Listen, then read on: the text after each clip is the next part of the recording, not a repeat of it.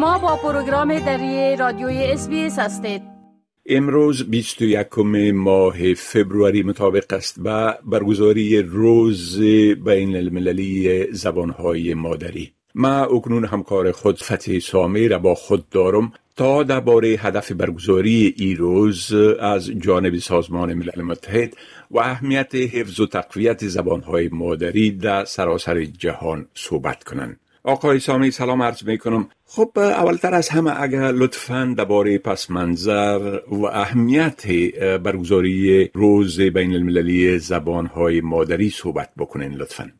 بله سلام به شما و شنونده های محترم. خدمت هر شما که شما اشاره کردین روز جهانی زبان مادری هم از سال به تاریخ 21 فوریه تجلیل میشه و منظور از این آگاهی بخشیدن به مردم است تا از یک طرف از تنوع و گوناگونی زبان و فرهنگ و رسوم و عنعنات مروج و معمول در کشورهای مختلف اطلاع داشته باشند و از طرف دیگران در جهت زنده نگاه داشتن گسترش و انکشاف توسعه زبان مادری توجه لازمه مبذول بدارند روز جهانی زبان مادری با حادثه قتل چهار معسل دانشگاه داکه در 21 فوریه سال 1952 پیوند دارد. در این انگام نیم قاره هند به کشورهای هندستان پاکستان غربی و پاکستان امروز و پاکستان شرقی بنگلادش تقسیم شده بود. زبان هردو و عیس زبان رسمی به کار می‌رفت.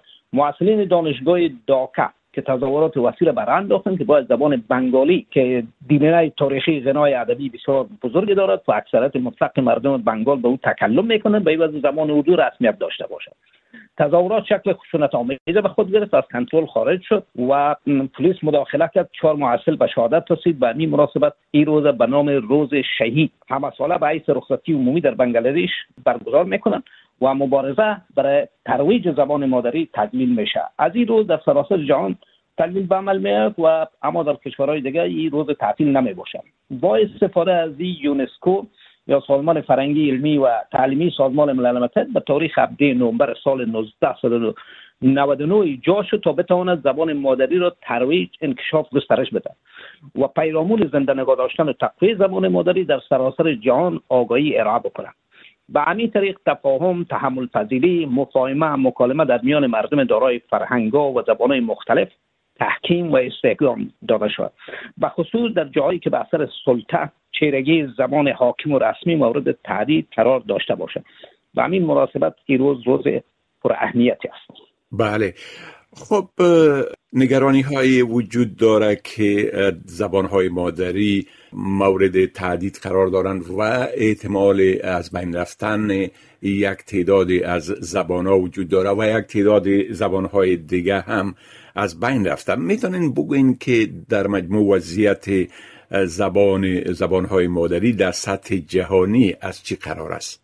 خدمت هر که بنا سرعت فزاینده روند جهانی یعنی globalization مسائل اقتصادی مسائل تجاری بازرگانی فناوری تکنولوژی زدوبندهای سیاسی زبان مادری و سایر انکشاف از این مورد تهدید قرار می‌گیره و خصوص در کشورهای تعقیب مانده یا جهان سوم. و حتی در باس نقاط جهان در پردگاه نابودی البته دست پا می‌زنه.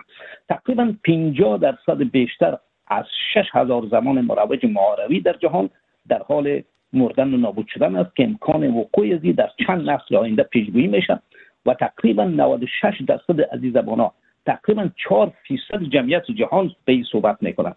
تنها از جمله چند صد زبان محدود جایگاه قابل افتخار در رشته های تعلیمی تربیوی و عوضه های همگانی دارد و تعداد کمی از زبان ها در تکنولوژی و کار برده می‌شد بسیاری از زبان های از زبان شناسا از اینها و نابودی زبان اما طوری که شما اشاره کردین خیلی نگران هستن و آدم مشکل اخلاقی می‌دانن برای اینکه بسیاری از اجتماعات علاقمندن تا زبان مادری بومی خود در صورتی که برایشان فرصت مساعد باشه حفظ بکنن. و همشان خطر نابود یک مشکل علمی هم میدارند به خاطر که به پیمانه که هم حکنون زبانهای مادری محو نابود می‌شد تعداد معدود زبانهای گوناگون در جهان وجود خواهد داشت که در آینده زبانشناسان به آن دسترسی خواهند نداشت و تنها تصور کوچک از زبانهای بشر وجود خواهد داشت. از این خاطر است که در مورد تعدید قرار داده و این پیامد این تعدید فضاینده است.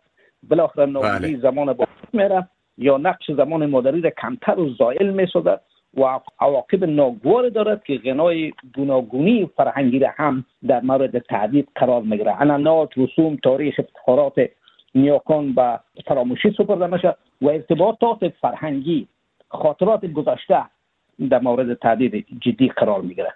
بله خب از تعدیدها گفتین.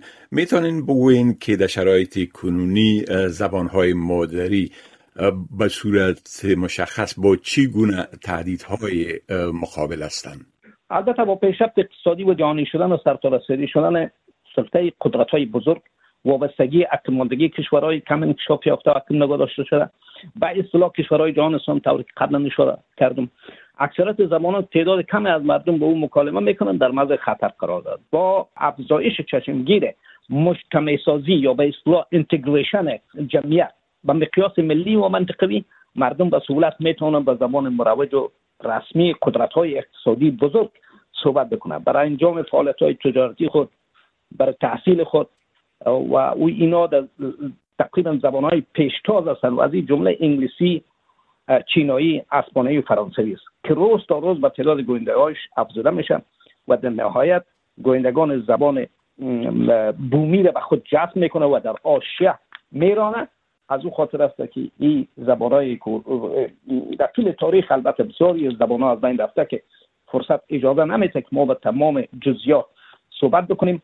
مگر روند نابودی شدن و علاقه شدن زبان در چند نسل به وقوع می پیونده و پیامد از این هم ایست که این گروه ها مقاومت نمی‌تونن. تا جایی که امکان داشته زبان مادری خود حفظ می‌کنن رشد میتن اما در جایی می‌رسه که از توانشان خارج است. بله. همچنان مؤسسات تعلیمی اشکال جانی رسانه‌ای از قبیل اینترنت تلویزیون رسانه های چاپی همه اینها هم نقشه دارن در روال امها. و نابودی زبان مادری بنابراین در قدیم استعمار کنه با تسلط به کشورها و جمعیت ها ضربه به زبان مادری وارد ساختن و اکنون مهاجرینی که در کشور به کشور دیگر مهاجرت می‌کنن. اطفالشان در مکاتب و مؤسسات تعلیمی و تربیتی به زمان مسلط و رسمی همو کشور صحبت می‌کنن. بنابراین به مرور زمان نقش زبان مادری در معرض خطر قرار می‌گیره. یعنی مهاجرکات و اکمانی اقتصادی یکی از مهمترین دلایل نابودی زبان به شمار میره خب اگر به صورت خلاص بگوین که اگر کسی خواهان معلومات در ای باره باشه این معلومات از چی جای گرفته می‌تونن؟ روز جهانی زبان مادری امیر اگر گوگل بکنن با دری و یا ایستا که نشته کنن که اینترنشنال مادر دی ما فکر می‌کنم که معلومات مورد نیازشان به دست و می‌تونن که بیشتر در این مورد معلومات بنش بیارن بله. خب آقای فتح سامی از این معلوماتتان یک جهان تشکر و فعلا شما را به خدا می سپارم و روز خوش برتان آرزو می کنم همچنان به شما. تشکر. خداحافظ. می خواهید این گونه گزارش ها را بیشتر بشنوید؟ با این گزارشات از طریق Apple Podcast، Google Podcast، Spotify و یا هر جایی که پادکاستتان را می گیرید گوش دهید.